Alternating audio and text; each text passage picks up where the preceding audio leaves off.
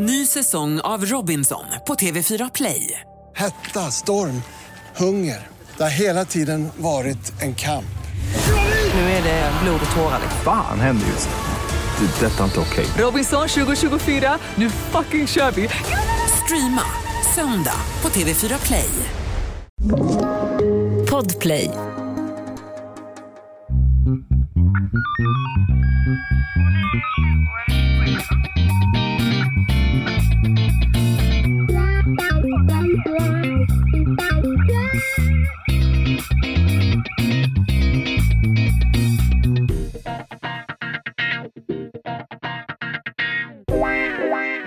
Välkomna till krimpoddarnas krimpodd Över min döda kropp med mig, Anna Jinghede och...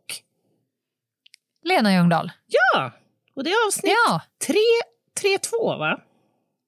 säkert. Det är det säkert. Det är säkert. Ja, Ja, hur har vi det? Jag ser att du sitter i någon form av blommig, härlig miljö Ja. nu. Jag är ju på Pigalle, mitt på andra Pigalle. hem. Ja. Jag har jobbvecka i Götlaborg. Mhm, tackar, tackar. Kan vi prata om min, min lilla upplevelse idag när jag åkte tåg? La ut en story. Ja. Jaha, då är vi försenade igen. Igen. Nej, men det var inte så farligt. Men vi låg bakom ett försenat tåg.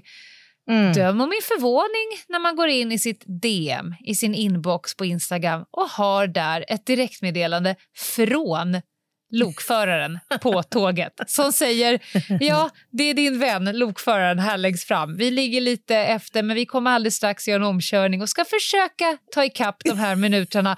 Jag hoppas att jag inte blir din rövhatt den här Ja, veckan. Det Ljungdahl, älskar du- man ju. Du är där nu, så att säga. Du är uppe Nu är i smöret. Nu är du i smöret. Jag har så att säga direktlina till penthouse. Ja, ja, det är underbart. Ja. Underbart. Jaha, har vi något mer som ska avhandlas innan vi går in på, på sakens egentliga så att säga, natur? Det vill säga Ja, idag ska ovanliga spår och, och bevis och Ja, sånt. jag småfluktade på avsnittet och jag tror att vi faktiskt kan säga att här, kanske att det här kommer bli ett av de nördigaste avsnitten någonsin. Ja. Du får ju Ja. Ross i, i Friends att framstå som en helt normal figur. Ja. ja, men det här är också right up my alley som man säger. Jag vet. Mm, Kan jag, få, kan jag bara få ta en liten återkoppling på förra veckans rövhatt? självklart. Den här kappan som har ju... Ja. Det, det, Man kan säga att det är det som folk kommer ihåg. Men alltså, vi hade ju kunnat kutta bort de första så att säga, Nej. 65 Nej, minuterna av det där avsnittet. Nej, men vi har fått rätt mycket engagemang i kappan. Väldigt många av er vill se kappan och det kommer ni få göra men jag är inte hemma och jag är inte hemma på en vecka till så att ni får eh, avvakta detta. Men döm om min förvåning när jag häromdagen fick en liten, ett, ett mejl från eh, Klarna.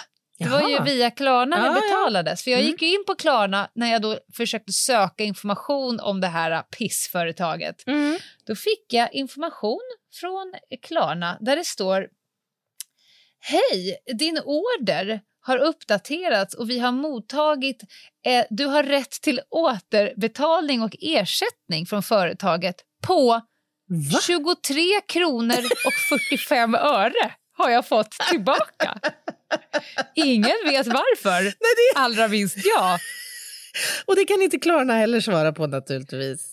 Absolut inte. Jag ringde dem och bara ursäkta mig men va, jag har inte ens gjort en reklamation retur. Jag har bara noterat att så här, det varit fel i mitt.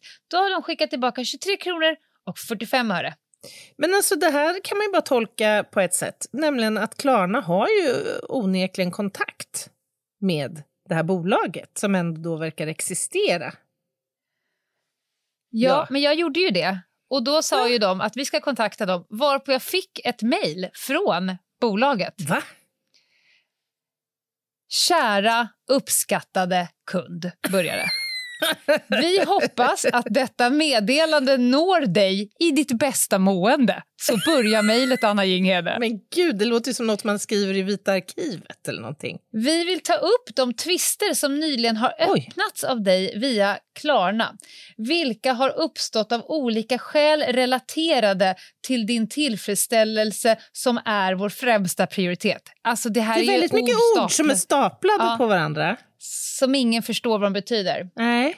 Vi är fast beslutna att lösa alla problem som du eventuellt känner att du har stött på. eventuellt känner att jag har stött på. Men vad är det? Lösningsförsök, kolon. I vårt uppriktiga strävan att snabbt och direkt ta tur med din missnöjdsamhet har vi tagit därför initiativet att återbetala en liten summa som en gest av vår goda vilja. Men snälla! Undvik dock att öppna nya tvister med oss. Vi ber dig därför vänligen att avstå att återigen öppna en ny tvist Öppna med Klarna för dessa beställningar. Detta kan leda till onödiga förseningar i vår lösning och vår betalning till dig kan försenas. Alltså de 23 kronorna Ja, ja, kommer ja, jag ja, kanske ja. inte de få. vill du inte losa, nej. Ja. Nej men alltså. Eh, vårt engagerade kundserviceteam finns tillgängligt för att hålla dig vid handen vid varje steg på vägen. Tack för att du har valt oss som din pålitliga online shoppingdestination. Vi uppskattar ditt företag mycket. Alltså, Jaha. vad- jag har inget för... Jaha. Ja. Och vi är fast beslutna att säkerställa din totala tillfredsställelse med alla våra tjänster. Det här är ju, de har ju bara tagit olika meningar från Ah, olika andra sajter och kastat in i ett brev och sen har de gett mig 23 kronor. Tackar, tackar. Jag hade ju dragit det här till KO alltså. Ja, nej, det Faktiskt. kommer inte hända. Jag drar det till sociala medier och, Ja. och gör Ja, det story. kan vara good enough För att det är kul. Ja, ja, Ja. det är content. Ja, så kan det vara. Ja, det var det. Nu har vi inte tid med det längre. Nej. Vi har en ny rövhatt idag. Eftersom du ska köra spår så ville du inte köra en lista för att du Just skulle det. vila din harkliga röst. Mm, mm. Men fram tills dess ska du prata om paly... Vad fan står det? Palynologiska spår. Vad kul det ska bli, Anna så Vad roligt. Men, men- så torrt. Nej, men så här, jag blev lite inspirerad av förra veckans eh, avsnitt. Om du minns eh, kidnappningen och sedermera mordet på Charles Lindbergs lilla bebis. Otroligt sorgligt. Ja. Eh, och där drog jag ju lite grann kring bevisningen som berörde den dendrokronologiska. Som jag tyckte Mm. var väldigt spännande, men också ganska udda. Och då så slog det mig att det måste ju finnas mer udda typer av spår och bevisningsförfaranden där ute. Och Mm. då Och dendro, det var ju trä, den här trästegen du pratade om. Just Mm. det, träanalysen som gjordes av den här stegen. ja. Och då när jag liksom började sätta mig ner och, och recappa egna fall, andras fall, fall jag läst om och annat, ja då, då var det ju som att det öppnade upp sig. Så Man att är säga, värd. Ja, lite av en ny värld. Så nu tänkte jag dra lite roliga och lite olika typer av såna här lite udda eh, bevis och udda spår Ja. som man kan leta efter. Osannolika men inte uteslutna. Exakt, så skulle man Mm. kunna säga. Det första som jag drog mig till minnes eh, det var ett case faktiskt som jag läste om för några år sedan. Eh, Och, och där jag helt eh, enkelt tänker ställa dig frågan, Lena Ljungdahl, kan djur vara vittnen och kallas till domstol för att vittna om brott och iakttagelser de har gjort? Svaret är nej. Vi att- kanske ska säga för de nya lyssnarna bara, Anna är ju kriminaltekniker. Mm. Eh, ifall de undrar varför du är så, har en patologisk intresse för det här med spår Så ja. du är ju kriminaltekniker. Ja, Bra du tycker det här är spännande. Mm. Nej, nej, jag har aldrig sett en pudel sitta i lite- vittnesbåset. Lite förakt. Du tycker det här är så spännande. Ja, av någon sjuk anledning. Nej, men jag, ska, jag ska i alla fall berätta för dig om en talande papegoja i Michigan Aha. som påstås alltså ha bevittnat mordet på sin, eh, säger man husse?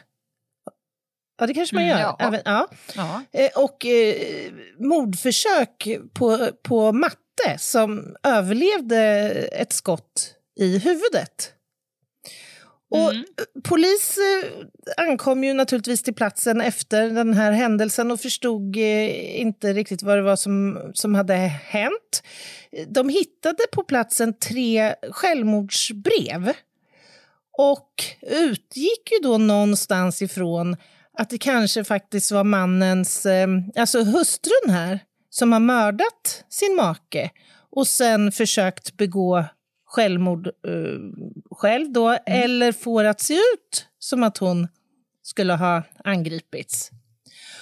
Och när hustrun delges misstanke och det här blir känt eh, via media och så, så inkommer plötsligt en anhörig med så kallade bevis för att jo, det är den här kvinnan som har eh, mördat sin man. Det har vi bevis för i form av en inspelning av familjens papegoja som påstått efter denna händelse ska ha upprepat alltså om och om, och om, och om igen.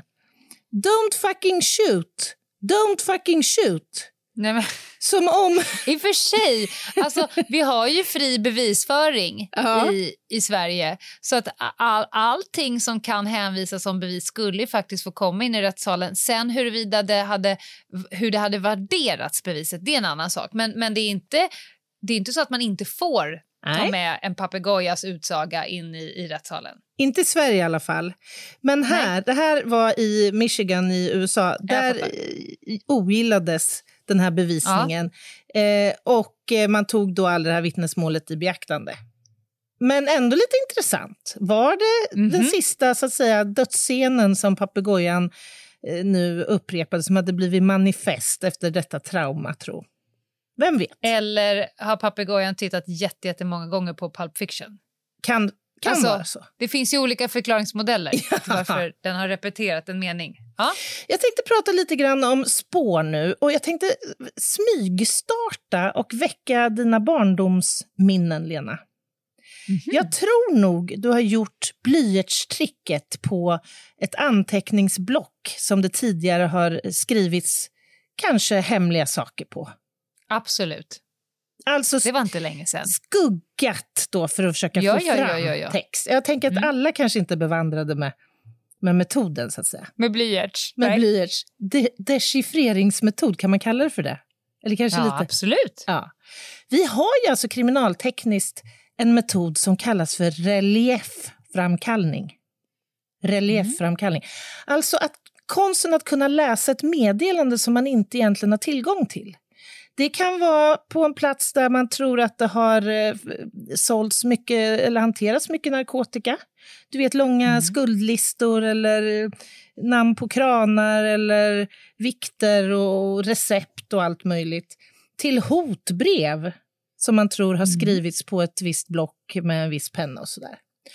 Och då har vi faktiskt eh, teknik för att ta fram den här texten på ett ganska sofistikerat sätt. Men det slog mig att jag har nog inte gjort det här på åtta, nio år. Jag tror jag bara gjort det en eller två gånger under alla år jag har jobbat. Och eh, Graden av framgång beror lite grann på hur hårt penntrycket har varit på, på blocket. Och Det finns lite olika metoder för det här, men det bästa är att lyfta upp texten med en elektrostatisk metod. Så man kopplar på en liten ström. Är det samma som när ni lyfter eh, skoavtryck? Exakt. Bygger på precis Mm. samma sak. Man kan liksom få de här egentligen groparna i träfibrerna i pappret att framträda bättre.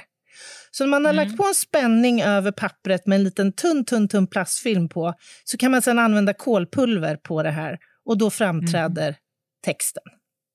Men det är ett spår som har glömts bort. Ovanligt, men väl gångbart. I vissa Och fall. om ni lyfter den då och, då och så framträder den då på undersidan av plasten Precis. och då, och då blir det ju spegelvänt. Går du sen fram till spegeln som man gjorde när man var liten och läser den mot spegeln? Just det. Ja, det måste man ju göra Ja. då. Ja. Nej då, det är inte så komplicerat som det låter. Nu ska vi prata lite grann om eh, spår inne i kroppen. Verktygsspår kanske du har hört talas om. Du kanske minns att ni pratade om det när du gick polisutbildningen, för det tror jag faktiskt fortfarande man gör på Jajamän. Kriminal- Mikrosil. Precis, man lärde sig att gjuta av spår orsakade av kanske en mejsel eller en kofot eller något. Ganska vanligt vid inbrott och så. Men nu ska vi prata om sådana spår inne i kroppen och i beniga strukturer i eh, kroppen. För att om en person tillfogas våld med ett visst tillhygge och det här orsakar skada på, i skelettet så kan man faktiskt eh, gjuta av dem även inne i kroppen. Och man kan också hitta andra detaljer i de här skadorna som kan leda oss rätt i jakten på ett mordvapen till exempel. Men använder du mikrosil inne i kroppen då? Nej, eh, ja, det finns lite olika eh, heter det, material man kan använda. Mikrosil funkar om man kan frilägga ett ben och det är liksom hy hy hyggligt torrt. Men jag använder tandläkarmaterial, silikoner av de finaste slagen som man får fram de allra, allra, allra minsta detaljerna. Så gjorde jag till exempel, vi hade ett väldigt, väldigt tragiskt spädbarnsmord i Örebro för kanske tio år sedan. Och den här lilla, lilla flickan hade svåra skador i sin skalle. Och den Ja. misstänkte, det vill säga mamman, eh, mamman till barnet, presenterade tio olika versioner om vad som skulle ha hänt. Det var allt ifrån att en främmande man hade tagit sig in i bostaden, gett sig på henne och sen lilla flickan, till att hon hade tappat flickan i golvet. Alltså det var, det var så många olika versioner. Däremot när vi tittade på platsen hur det såg ut så fanns det bredvid spjälsängen en garderob med en utskjutande, ett utskjutande handtag eh, som, som gjorde oss lite intresserade. Därför vi tyckte vid en första anblick att formen på det där handtaget skulle kunna ha orsakat skadorna på, på flickan. Jag gött av de här skadorna. Jag framställde en gipsmodell av flickans huvud och jag kunde visa eh, att det här handtaget passade exakt in på millimetern i den Äh, hårda delen. Väldigt sorgligt, men man måste i de här fallen tänka att kan det här bevisa på ett tydligt och klart vis inför sittande rätt vad det är som har hänt så är det i den här lilla flickans intresse. Eh, och, och jag läste om ett mord häromdagen, faktiskt ett svenskt också, som handlar om en kvinna som blev knivhuggen till döds utan närvaro av eh, vittnen. Maken blir tidigt misstänkt för det här men blir släppt i brist på bevis och han förnekar till eh, inblandning i detta. Och på platsen då så man säkrade en del knivar och så men det fanns liksom inga spår som direkt kunde bevisa vad som hade hänt på den här platsen. Eh, och framförallt inte vem som hade tillfogat det här våldet. Men utredarna här var eh, drivna. De tog ett omtag med rättsläkaren och satte sig ner och funderade på finns det någonting mer spårmässigt vi kan jobba med i den här utredningen. Och då visade det sig när rättsläkaren detaljstuderade skadorna i benen, bland annat skador från den här kniven i ett revben, att det fanns både små, små, små metallfragment och färgpartiklar i skadan. Om du tänker att en kniv, att man hugger med stor kraft och det fastnar i benet så kan man tänka sig att det liksom också släpper ifrån sig lite grann enligt Ja. Locals princip. Spår från tillhygget. Spåren visade att det handlade om en röd kniv. Eh, och när man tittade på vad som hade säkrats för knivar i bostaden så fanns det ingen röd kniv bland dem. Så man gjorde ett omtag i bostaden, en förnyad brottsplatsundersökning och husrannsakan. Och hittade en röd kniv som dimensionsmässigt visade sig stämma dim- med skadorna på offret. Men nu var ju frågan, hur många såna här knivar har det sålts i Sverige? Är det här eh, liksom en av hundratusen knivar, då kommer det här kanske inte hålla hela vägen. Så man ringde runt, tog kontakt med alla tänkbara försäljare av knivar och hittade hittade till slut en affärskedja som då hade sålt kniven. Och det visade sig att den hade slutat säljas 2015. Eh, och den var tillverkad i Kina. Och till slut så kunde man alltså ringa in hur många som hade tillverkats i samma serie som den aktuella omstridda kniven och var de hade sålts. Och slutsatsen sen i tingsrätten det blev att antalet knivar som då kan ha sålts till Sverige och som tillhör samma tillverkningsserie är så pass få Eh, Mm. Så att man fann, det, eh, fann stöd för att det var den här kniven som hade använts och man kunde också bevisa att han hade brukat den för att tillfoga hennes skador. Ganska intressant, tycker jag. Ja, ja, det är jätteintressant och det är så många gånger blir så tydligt vad mycket olika typer av utredningsåtgärder som behövs göras och vad tidskrävande Ja. det är med polisutredning för att få till tillräckligt mycket som får bägaren att bli full för att eh, ställa saker och ting utom rimligt tvivel. Och hur viktigt det också är att tänka utanför boxen. Att det inte alltid är de traditionella utredningsåtgärderna som blir vägvinnande Nej, i det långa loppet. Nu, Lena, eh, ska vi gå på paus och sen ska vi prata lite om eh, pollen och fröer och annat sånt spännande. Spännande.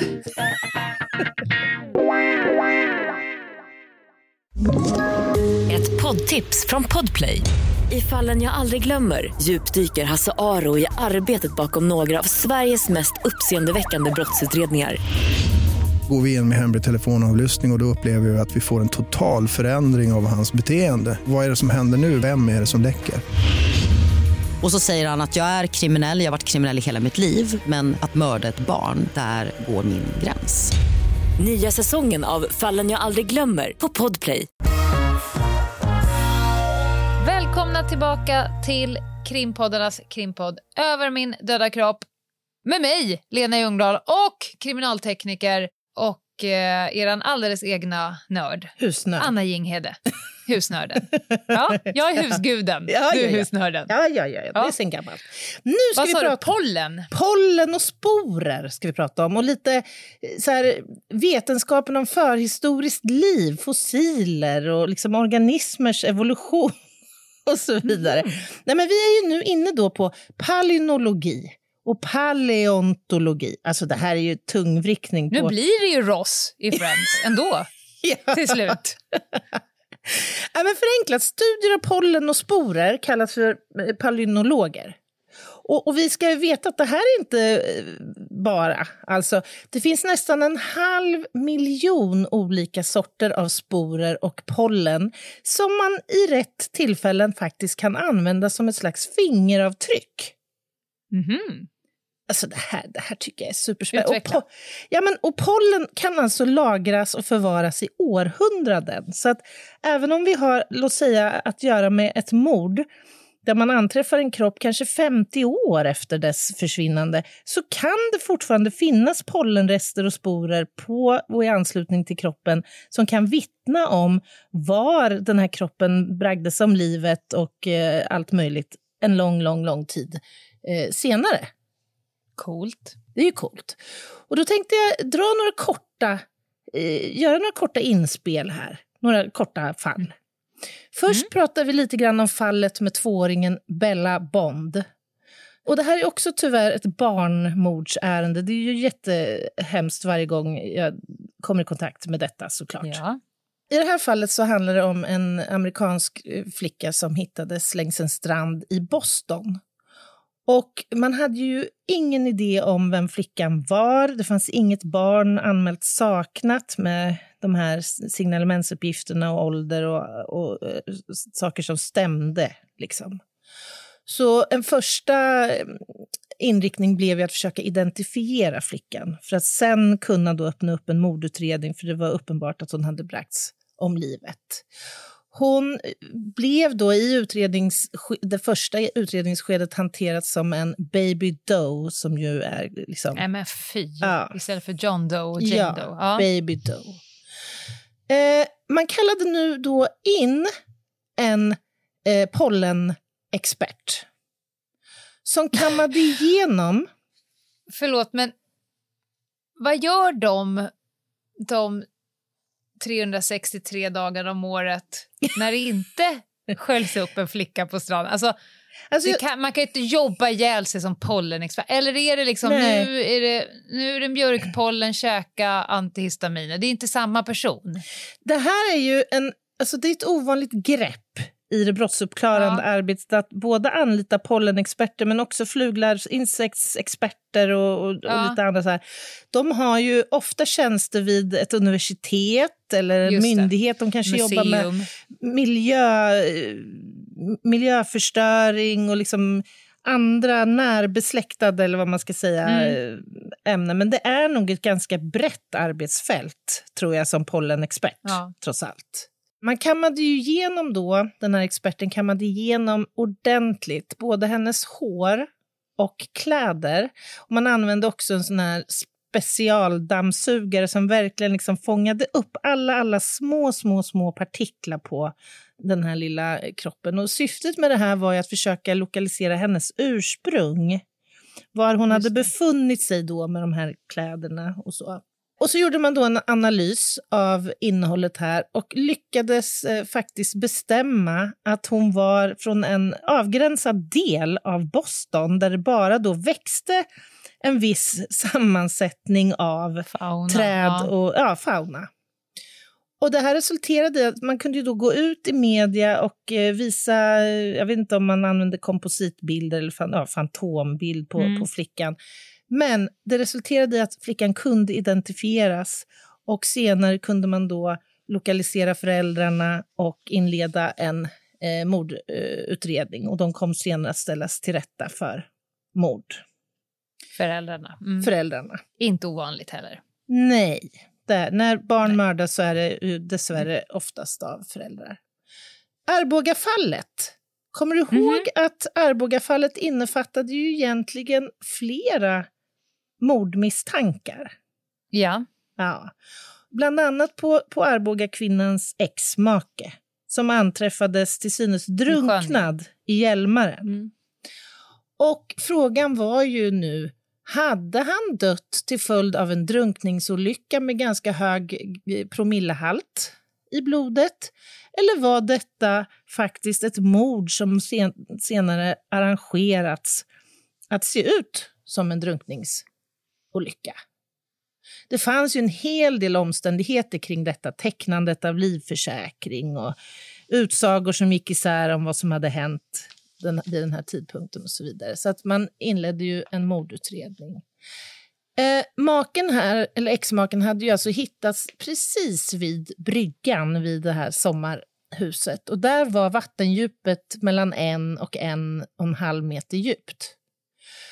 Eh, och, och det var ju så att vid obduktionen så framkom att han hade ju en ganska hög promillehalt i blodet men samtidigt så, så beskrevs han ju som en duktig simmare och varandes i, i liksom god fysisk form. Det fanns inte heller något som hade framkommit som antydde att han skulle ha varit självmordsbenägen, att det här skulle vara så att säga en, en sån handling. Men det som då blev avgörande sen i tingsrätten, det var ju förekomsten av kiselalger inne i håligheter i eh, kroppen på, på offret. Det är ju så här att i den här sjön, Hjälmaren, så uppskattas att det borde ha funnits någonstans mellan 100 000 och 900 000 kiselalger per liter vatten. Men när kroppen Ja. obducerades så hittades bara tre alger i lungorna. Inga i hjärnan och i njurarna och så vidare. Och det här bidrog ju till att tingsrätten ansåg att det skulle klarläggas att han inte hade drunknat utan att han hade bragts om livet på en plats och senare flyttats ner i Flyttats. vatten. Det här är ovanligt, kiselalgsanalys, men ändå Mm. ganska finurligt sätt att klargöra omständigheter vid ett dödsfall, eller mord som i det här fallet. Men när någon då hittas död, jag försöker så tänka mig in i ert arbete. Det Mm. blir ju mer och mer klart för oss andra varför du står med din förbannade termos och kaffekopp och tittar på platsen och lägger upp en plan. För det kan ju inte komma som liksom en, eh, en direkt tanke för dig. Så här, Jaha, drunkning i sjö. Vad har vi på kiselalgsanalys i lungsäck? Nej. Utan det måste ju vara så här... Hmm, vad skulle eventuellt... Jag menar, det, om det är ena gången är det pollen, andra gången är det eh, trä, tredje gången är det kiselalger. Det måste ju vara eh, någon form av kreativt hubb på Ja. jobbet. Så här, vad skulle vi kunna eventuellt Exakt. gå på? Jag, jag tyckte det var väldigt bra formulerat, Lena. För det är precis så det eh, funkar. Jag kan väl säga att mina första år som kriminaltekniker då var man ganska styrd av de traditionella spårtyper man hade Mm. lärt sig. Alltså fingeravtryck och verktygsspår och skospår och Ja, allt visst. det här. Men ju längre man har jobbat så blir man också, får man också insikten om att allt är spår egentligen. Det finns inget som Mm. inte kan användas så länge vi har analysmetoder för det. Låt mig ta ett exempel. Mycket Mm. som glittrar kan till exempel vara bevis. Ja, Mm. du rynkar lite i, i pannan. ser Tänkte jag. på skata precis.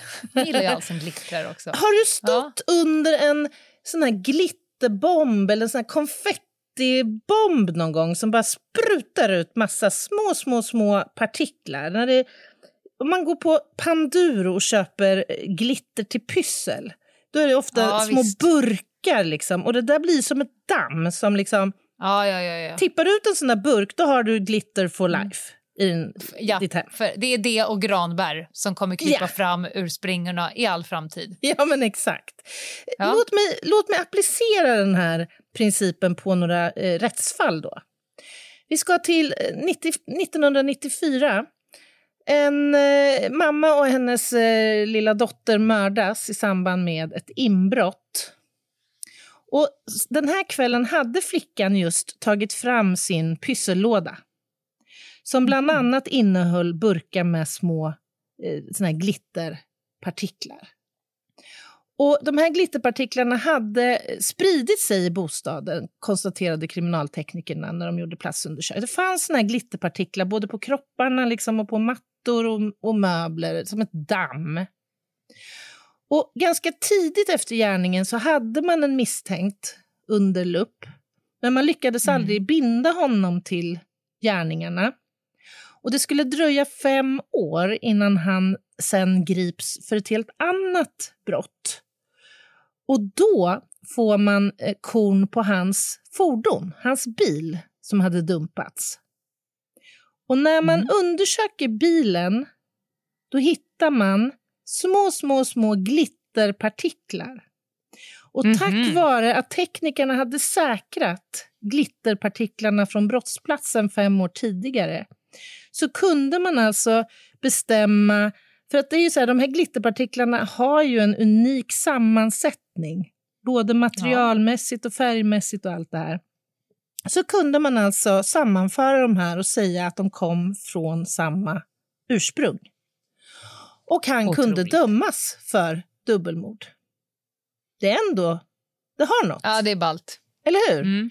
Och 2004, alltså tio år senare, så blev glitter just avgörande i en dödsolycka avseende smitning.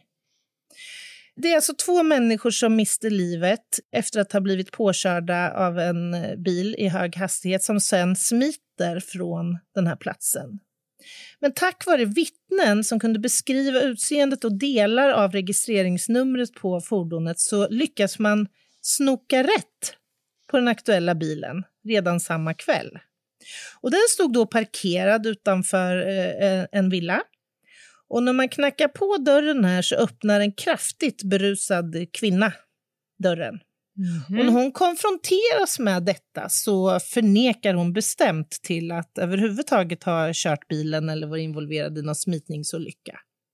Det är bara det att när man undersöker bilen då så visar det sig att airbagen fram på förarsidan är utlöst. Och när man tittar närmare på den, vad hittar man då? Glitter! Glitter! Ja. Som man då misstänker kommer från, kvinnan, från sminkavsättning från kvinnan. Så teknikerna tar jämförelseprover från henne, så som hon är sminkad den aktuella kvällen, jämför med säkrade ämnen från airbagen och får träff. Och det är någonstans här som de misstänkta brukar få tillbaka minnet.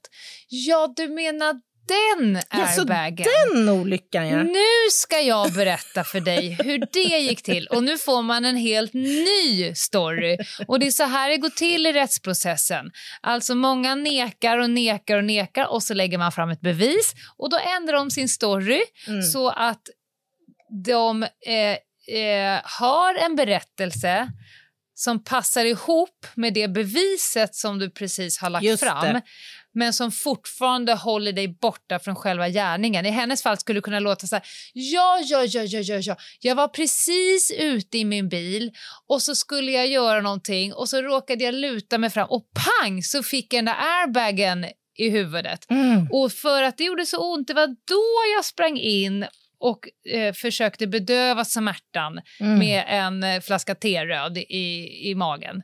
Eller någonting. Ja. Och så säger man, ja fast bilen var ungefär. Ja, ja, ja, nu, nu kommer jag ihåg. Och så Ja. lägger de en helt ny berättelse Mm. som då passar ihop. Och så håller de på så Mm. ända tills så att säga, bommen går ner. Och bara nej, nu är det ställt utom all rimligt tvivel att det kan inte ha gått till på något annat sätt Mm. än så som kanske åklagaren eh, påstår. Och jag gillar att du säger det där, därför att det är ju en tanke som vi alltid måste ha med oss, med flera som jobbar med brottsutredning naturligtvis. Men som Mhm. tekniker så man, har man alltid en plan B, C och D om det går. För att vi Ja. tänker alltså, här, om jag säkrar det här nu, vad bevisar det? Vad kommer vi mötas av för liksom, uttalande när man konfronteras Man med det intar här? motpartsperspektiv. Exakt. Vad behöver vi Mm. mer då för att täcka till den luckan? Ja, men lite Ja. så. Och det är samma sak när man håller förhör. Då kanske förhörsledaren har, eh, säg att jag håller förhör och då har jag fått av Anna, så här, det här har vi hittat hittills. Då säger man inte det på en gång utan Nej. man säger till personen berätta fritt. Så. Mm. Och så berättade de fritt då. Och så säger man i kanske nästa för ja, nu har vi bara ett litet problem. Det är ju att, att sju olika vittnen har ju sett dig på platsen. Ja, ja, ja, ja, ja, ja, ja. just det, jag var ju där. Mm. Och så kommer då en ny berättelse och sen så pytsar man ut Mm. eh, bevisen längs med vägen. Och då blir det ju lite problematiskt när man då har lagt till slut åtta olika Ja, historier. Men, men det är fortfarande det som sägs i rättssalen som då räknas. Men, men det kan ju vara eh, lite speciellt i alla fall att, Ja. att du, du får tillbaka minnet i, i Mm. samma timing som att bevisen läggs fram. ja, och det här belyser också hur viktigt det är med samarbete mellan olika utredningsdelar. Och speciellt vid ja, men grova våldsbrott till exempel. Där det är jätteviktigt för mig då att veta hur bemötte den till, eller misstänkta det här spåret som han nu då har konfronterats med?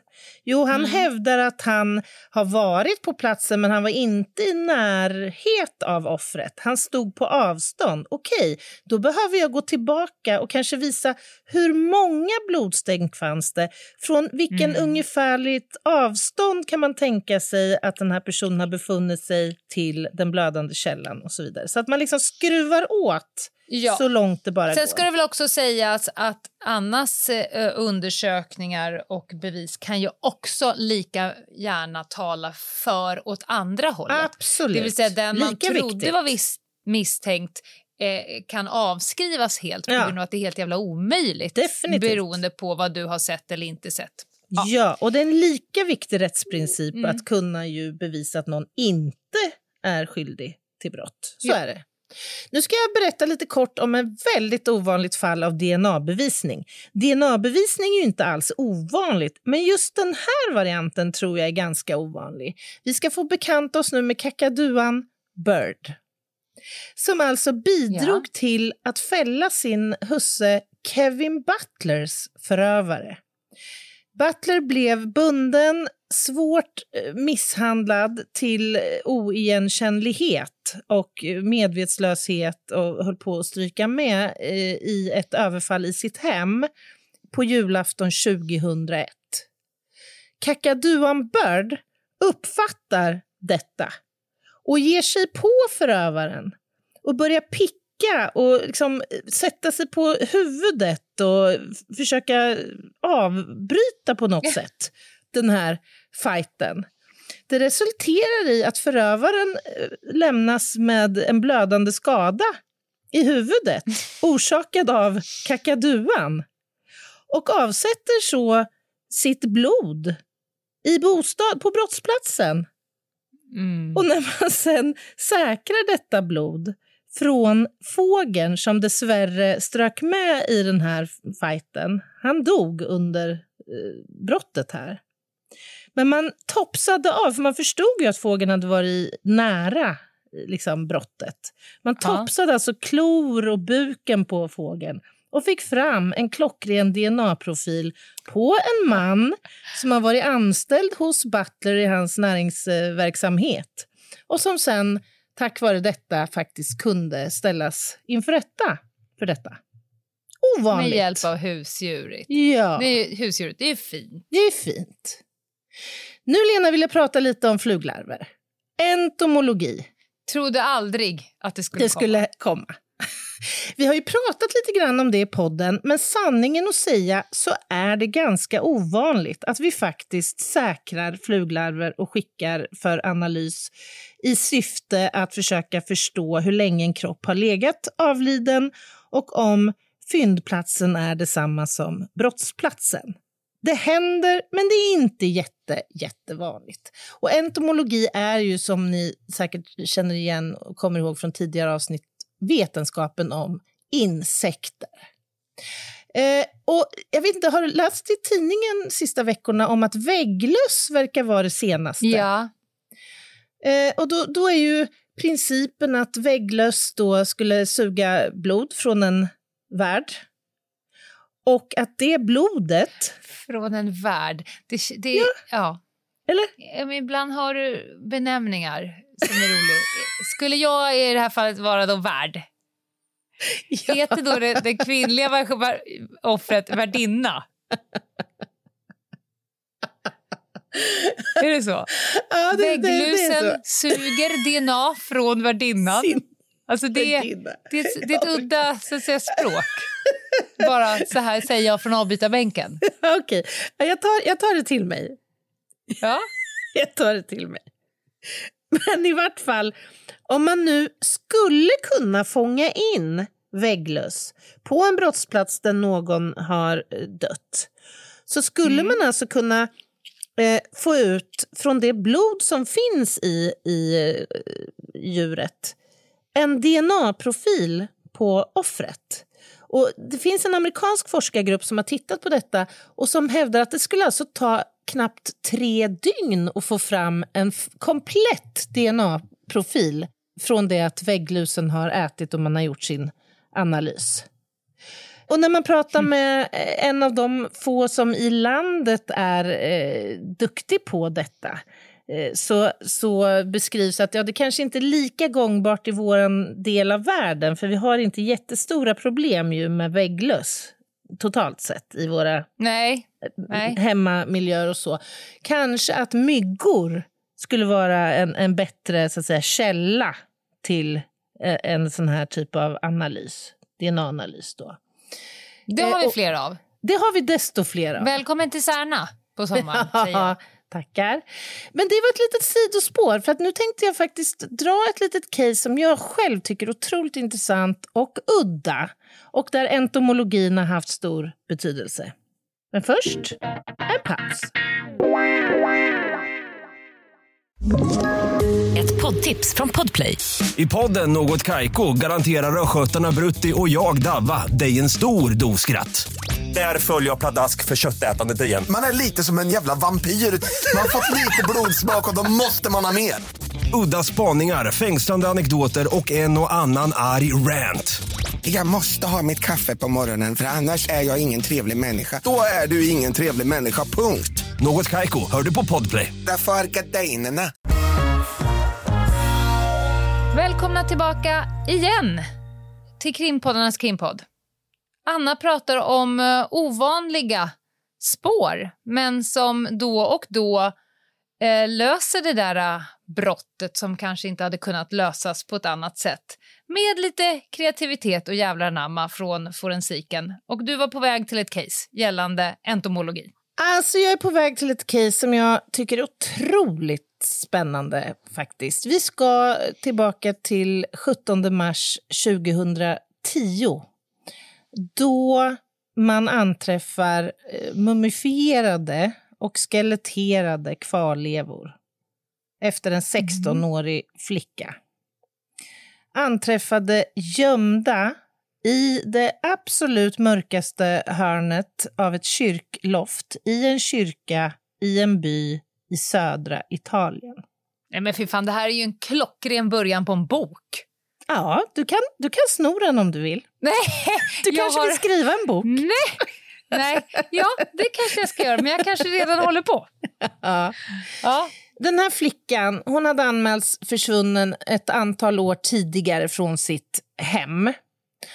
Och när man tog in kvarlevorna för obduktion så kunde man konstatera att dödsorsaken hade varit massiv blodförlust till följd av knivvåld.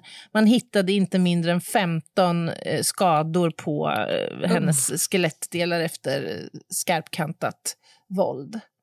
Man såg också vid obduktionen en stor mängd olika arter av då döda vid det här laget. Eh, flugor och fluglarver, men också malar, alltså såna här som äter på kläder. Du vet. Hatar de jävlarna. Mm. Ja, det gör man ju. Och när man analyserade de här arterna så kunde man konstatera att de allra flesta eh, var sådana som är aktiva bara under höstmånaderna. Och den här flickan hade försvunnit i september månad. Så att man drog ett försiktigt konstaterande om att de här sannolikt hade koloniserat kroppen eller börjat eh, äta på kroppen helt enkelt eh, vid ned- förruttnelse i, i ganska kort tid efter att hon hade avlidit flickan. Och man kunde också hitta i offrets ena då skeletterade hand, eller i nära anslutning till skulle jag tro, eh, långa, en liksom knippe med hårstrån Mm. som man trodde var från henne. Och Samtidigt så är det ju då polisen, när man börjar utreda det här brottet så visar det sig att det finns också ett brittiskt case som skulle ha skett eh, åtta år tidigare, innan man anträffar flickan här.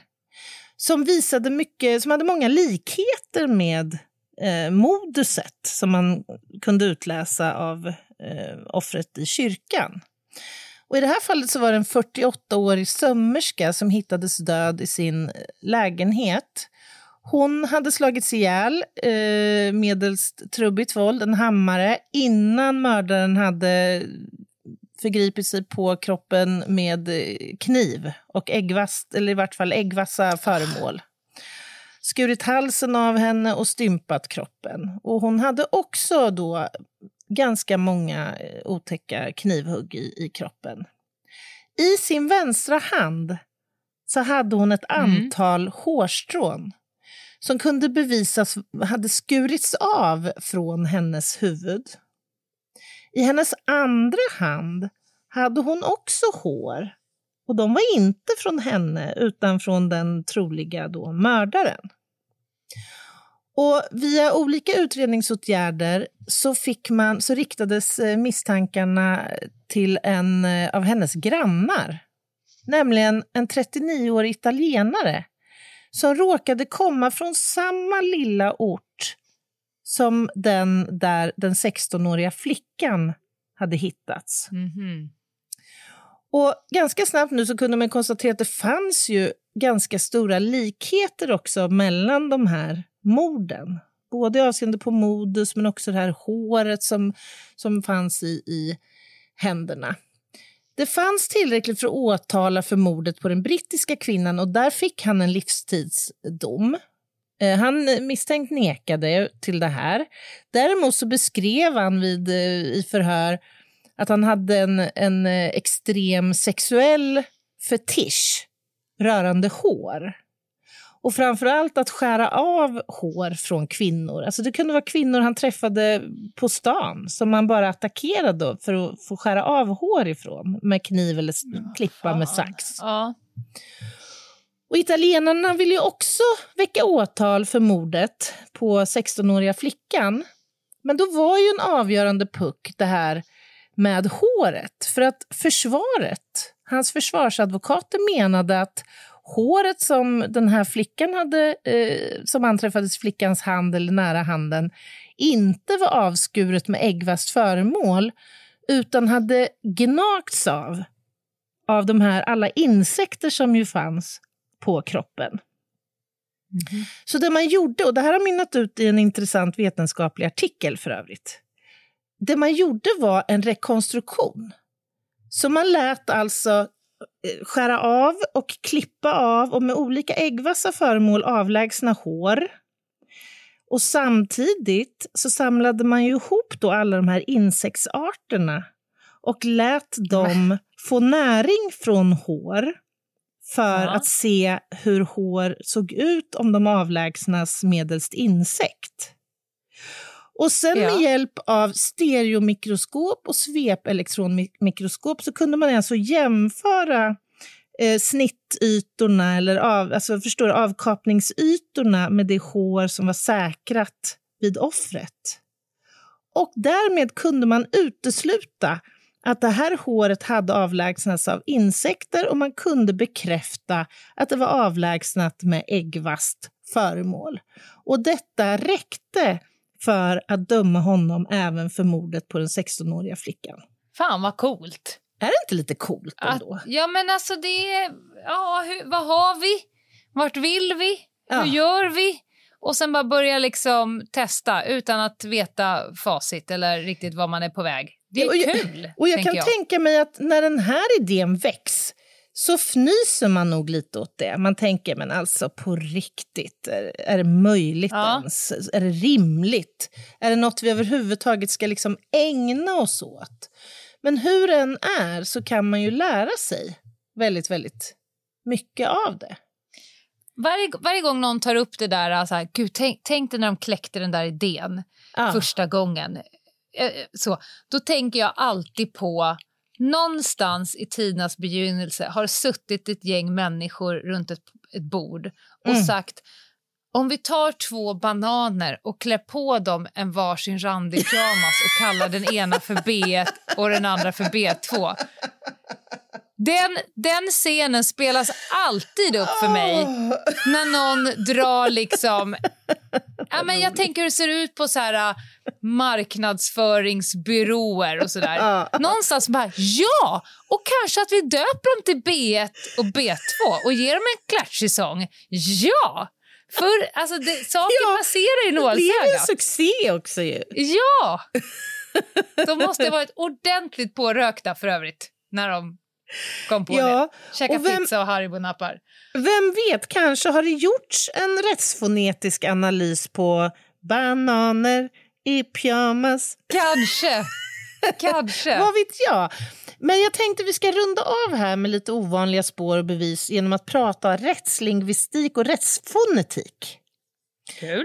Ja, alltså rättsfonetik det handlar ju om att eh, till exempel lyssna på ett inkommet larmsamtal och utifrån röst, eh, en röstanalys avgöra om det är till exempel en misstänkt som ringer in själv och larmar eller om det är någon annan. Jag vet att Peter Mangs till exempel, han ringde ju in och falskt lämnade tips Just det. på andra som kunde misstänkas då för skjutningarna nere i Malmö. Och det kunde man sen rättsfonetiskt visa att det var Mangs själv som hade ringt in i syfte att förvilla eh, utredningen.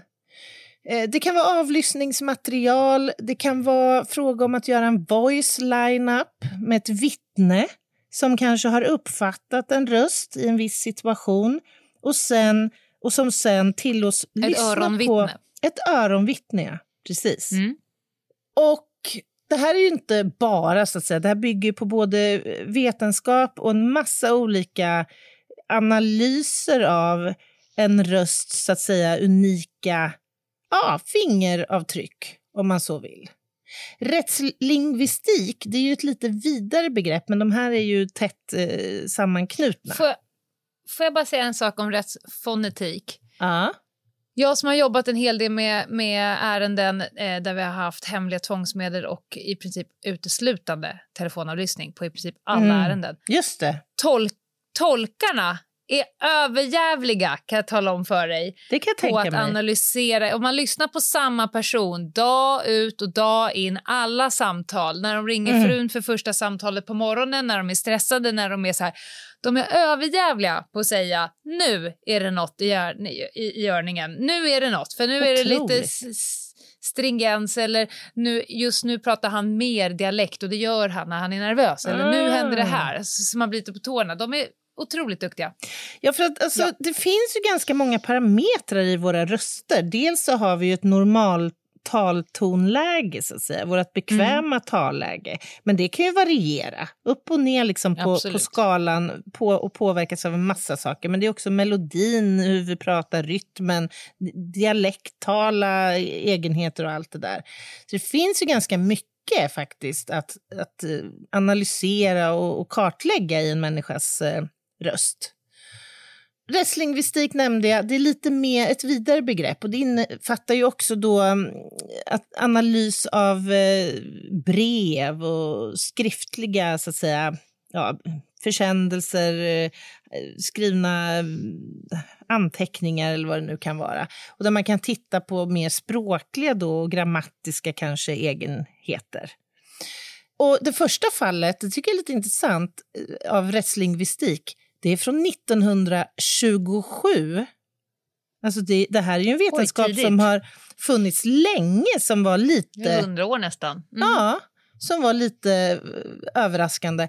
Och jag hittade faktiskt ett case av talaridentifiering från 1600-talet. Oj!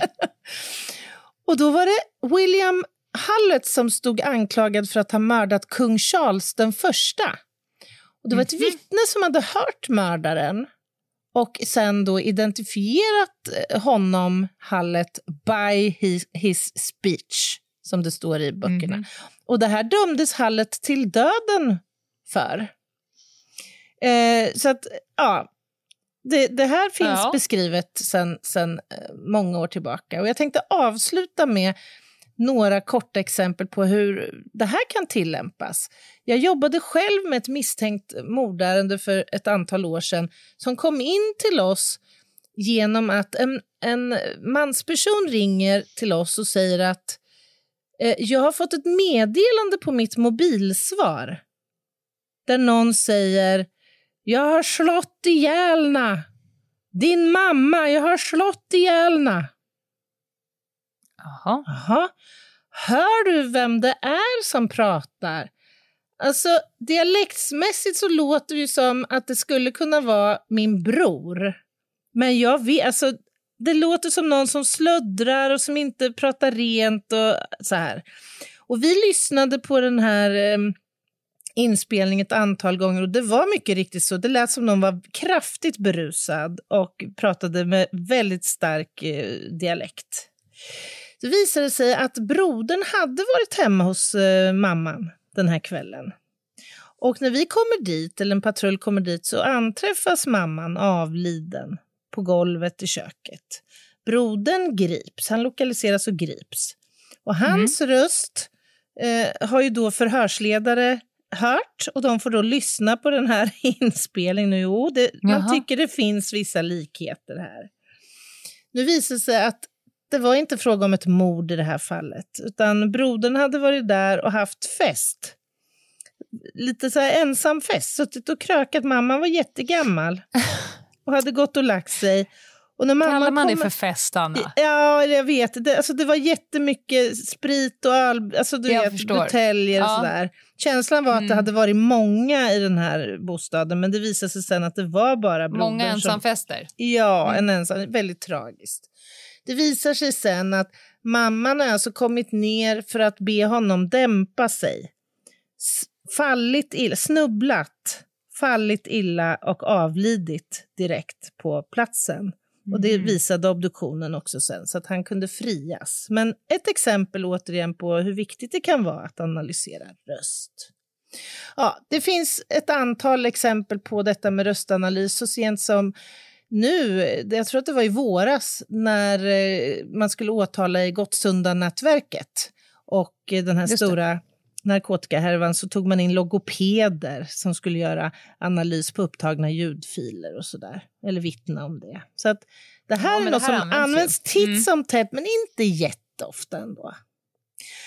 Ja, Lena, jag har ju jättemycket mer på den här listan. Vi kanske får göra en part two på temat om det inte har varit eh, så här i överdos nördigt, detta avsnitt. Nej, det tror jag absolut inte. Jag tror att... Eh, nej, men det, det har ju bevisat sig väldigt många gånger att våra lyssnare tycker om eh, kunskap, eh, tycker om att lyssna på dig när du eh, nördar ner dig i olika små spår och vinklar och, och vrår. Så det I tror jag den absolut kriminaltekniska att skattkistan, menar du? Exakt! Ja, ja. Det är som den här maskeradlådan som man hade hemma hos någon moster eller någonting. Man vet aldrig vad man kan hitta när man gräver tillräckligt djupt. Nej, men jag ser ju här på, på ditt eh, skelett, ditt manusskelett att du har ju rätt många olika case till som du skulle kunna Ja, veva det i finns så mycket som gång. helst på temat. Och, och, och vet du, en sak vill jag säga. Det är det jag älskar med den här podden också. Varje gång man sätter sig ner och funderar på vad ska vi prata om idag och vi, vi brukar ju turas om vad gäller ämnen. Mm. Och när jag får möjlighet att, att grotta ner mig så lär jag mig ju själv jättemycket och får massor med nya uppslag. Så att, Ja. ja, jag säger tackar tackar till mig själv för den här lektionen. Ja, tack Anna. Vi återkommer till det ämnet. Nästa vecka kommer det med all sannolikhet bli eh, juridik och Ja. tvångsmedel. Härligt. Härligt. igen. Ja, men eh, jag har en, en liten eh, rövhatt på lut här. En, en eh, ganska kort men naggande god som jag Ja. vet tror jag att jag kommer få igång dig lite grann på. Men är det någonting vi vill säga innan? Ja, det är väl det här vanliga då med Instagram. Ljungdahl och Ginghede Ja. heter vi ju där. Eh, där kan man ju hänga med oss om man vill. Eh, och ska vi säga något också om eh, en eventuell merch på ingång? Ja, vi fick ju lite av en, en önskan, eller jag fick den idag från något håll, att kanske att vi kan få ut en merch. Vi hade ju förut att vi släppte en ny merch varje månad. Eh, vi ska försöka få ut den innan jul och eftersom vi är lata, bekväma och helt utan tid i och våra smarta scheman också, sa du det? och smarta, framförallt otroligt intellektuella, eh, så kommer vi göra det som en liten eh, tävling eller något liknande där du får chansen att designa vår merch och också då chansen att vinna. Kul. Information om detta kommer att komma ut på vårt Instagram. Det är så jag säger det. Just det. Bra. Ja. Men du, har du varit ute och shoppat igen eller har du varit ute i trafik? Eller vad, Nej. vad har hänt sen sist? Nej, ja, det har jag i och för sig. Men nej, nu har jag en eh, rövhatt. Vi gör ju nämligen så att vi avslutar varje vecka, oavsett vad vi har, har dragit för ämne, så Mm. avslutar vi varje vecka antingen med veckans rövhatt, när jag brunar ur på något, Japp. eller Anna listar någonting. Egentligen var det dags för lista idag, men du bad mig ta en rövhatt för att du höll på med ditt manus. Mm. Och jag har ju rätt mycket, så att säga, Ja, jag vet i att- min anteckningsbok. Ja. Du är lite som en outtömlig källa på rövhattar. Jag blir ofta arg, mest för att det är för många Homo sapiens på jorden. I vägen. Ja. Lenas rövhatt. Idag kommer jag faktiskt eh, vara eh, på nätet. Aha. Jag skulle vilja prata lite om LinkedIn. LinkedIn. LinkedIn, som jag trodde att det hette LinkedIn. i begynnelsen. Aha, Hur, hur oj. använder du... Hur, Nej, vad alltså- ger LinkedIn dig i ditt liv? Nej, alltså här måste jag faktiskt bara lägga mig platt och säga jag fattar inte konceptet.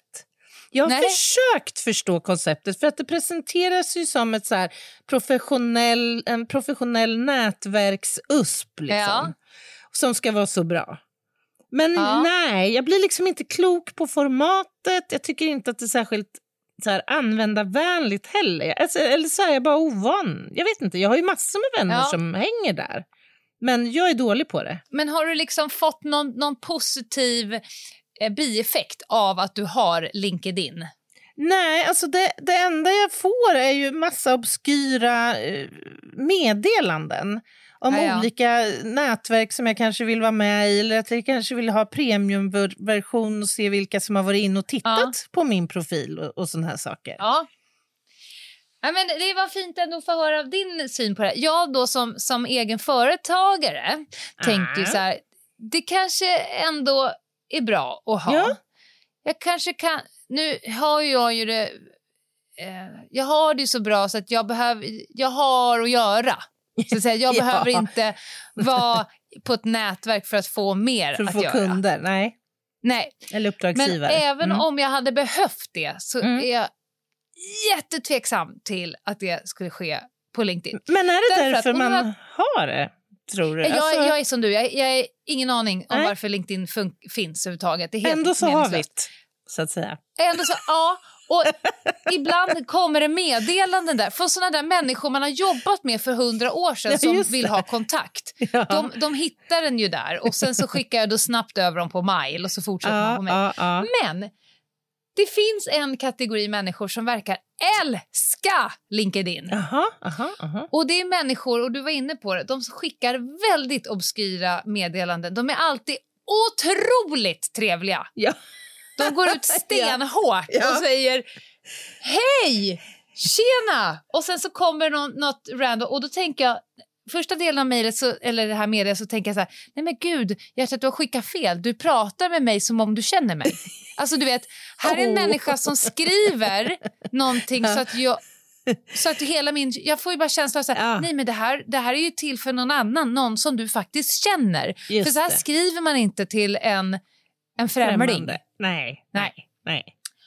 Och, och då eh, så står det liksom... Vad kul att du ville connecta. Berätta gärna mer om dig och din tanke med din närvaro här på LinkedIn.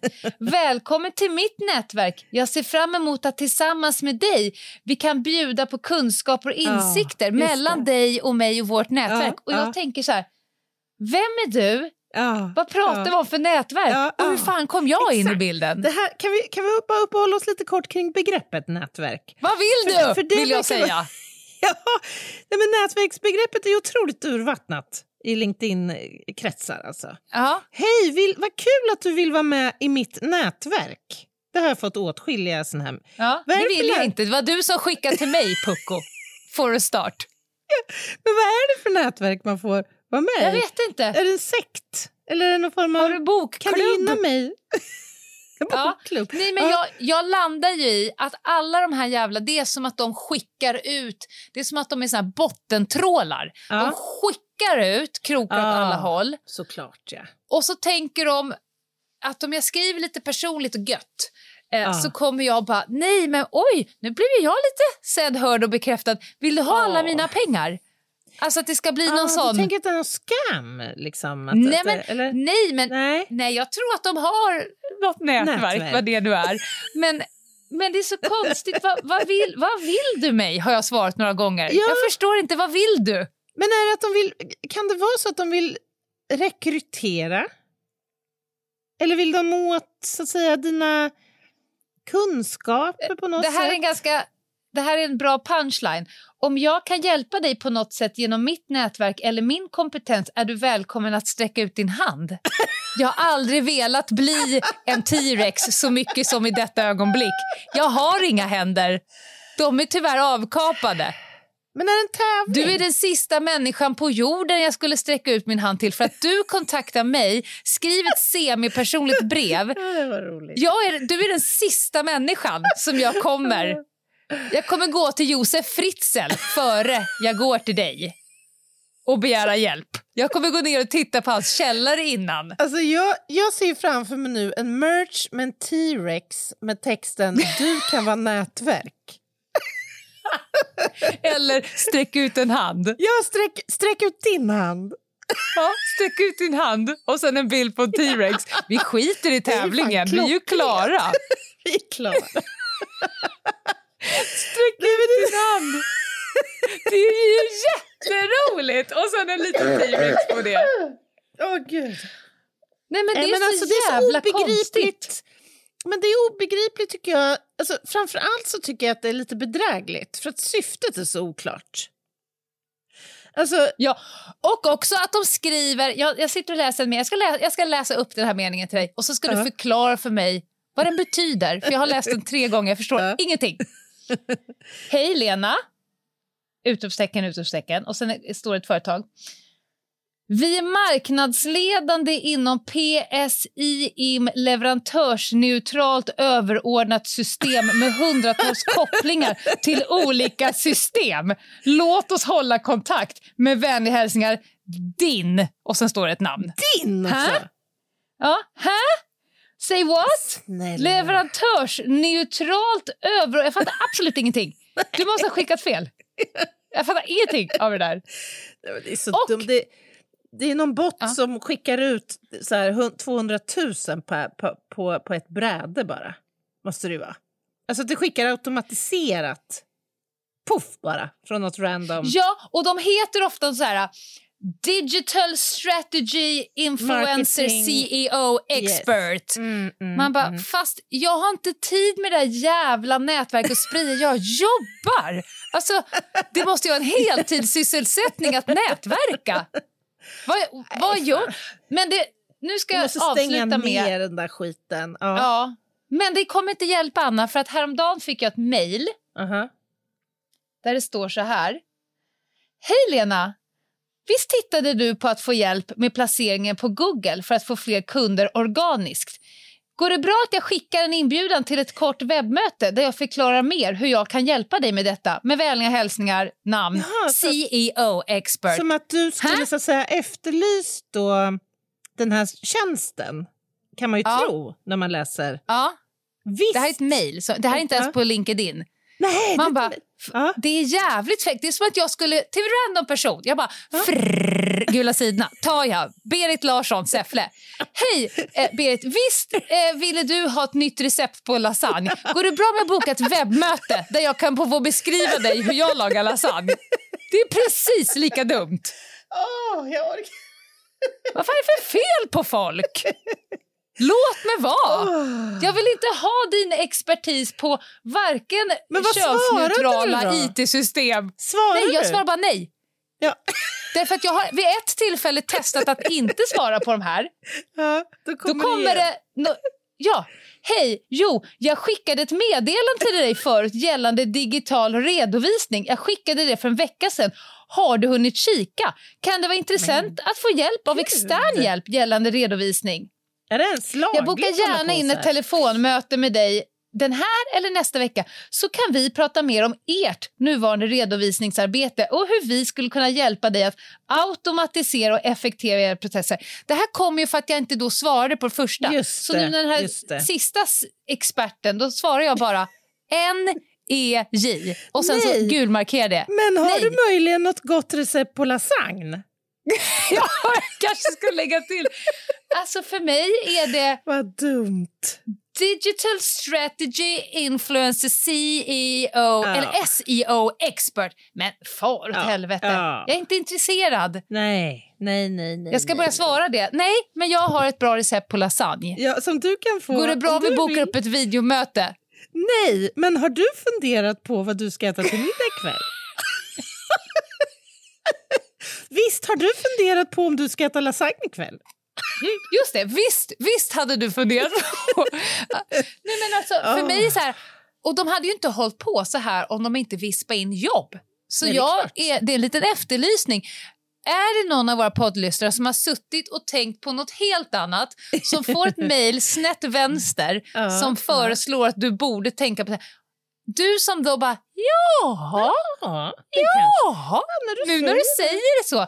Jag har alltid längtat efter ett könsneutralt överordnat system med hundra kopplingar. Jag går på det. Jag, jag säger ja. Jag blir Jag vet inte vad det är, men jag vill ha två. Jag blir... Alltså, Ja. Nej, nej. nej, gör det Sluta inte. skicka skit. Ja. Nej, jag ska fimpa den där LinkedIn. LinkedIn ska den få heta. LinkedIn. Helt Ah. meningslöst. Ja, Tack för den här rövhatten. Det blev ju eh, väldigt roligt. jag tror att många kan relatera till den. Det tror jag också. Jag är Definitivt. garanterat inte ensam och vara drabbad. Nej. Nej. Hörni, vi eh, hörs eh, nästa torsdag. Nytt ämne. Det Ny kommer vi göra. Och tills dess, ta ni hand om er. Det ska ni verkligen göra. Kram på er. Bye, bye!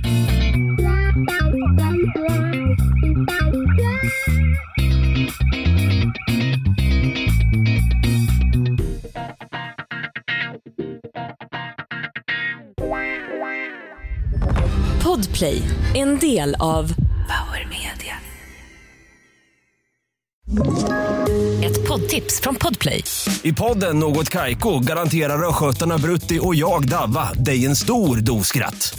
Där följer jag pladask för köttätandet igen. Man är lite som en jävla vampyr. Man har fått lite blodsmak och då måste man ha mer. Udda spaningar, fängslande anekdoter och en och annan arg rant. Jag måste ha mitt kaffe på morgonen för annars är jag ingen trevlig människa. Då är du ingen trevlig människa, punkt. Något Kaiko, hör du på Podplay. Därför är gardinerna.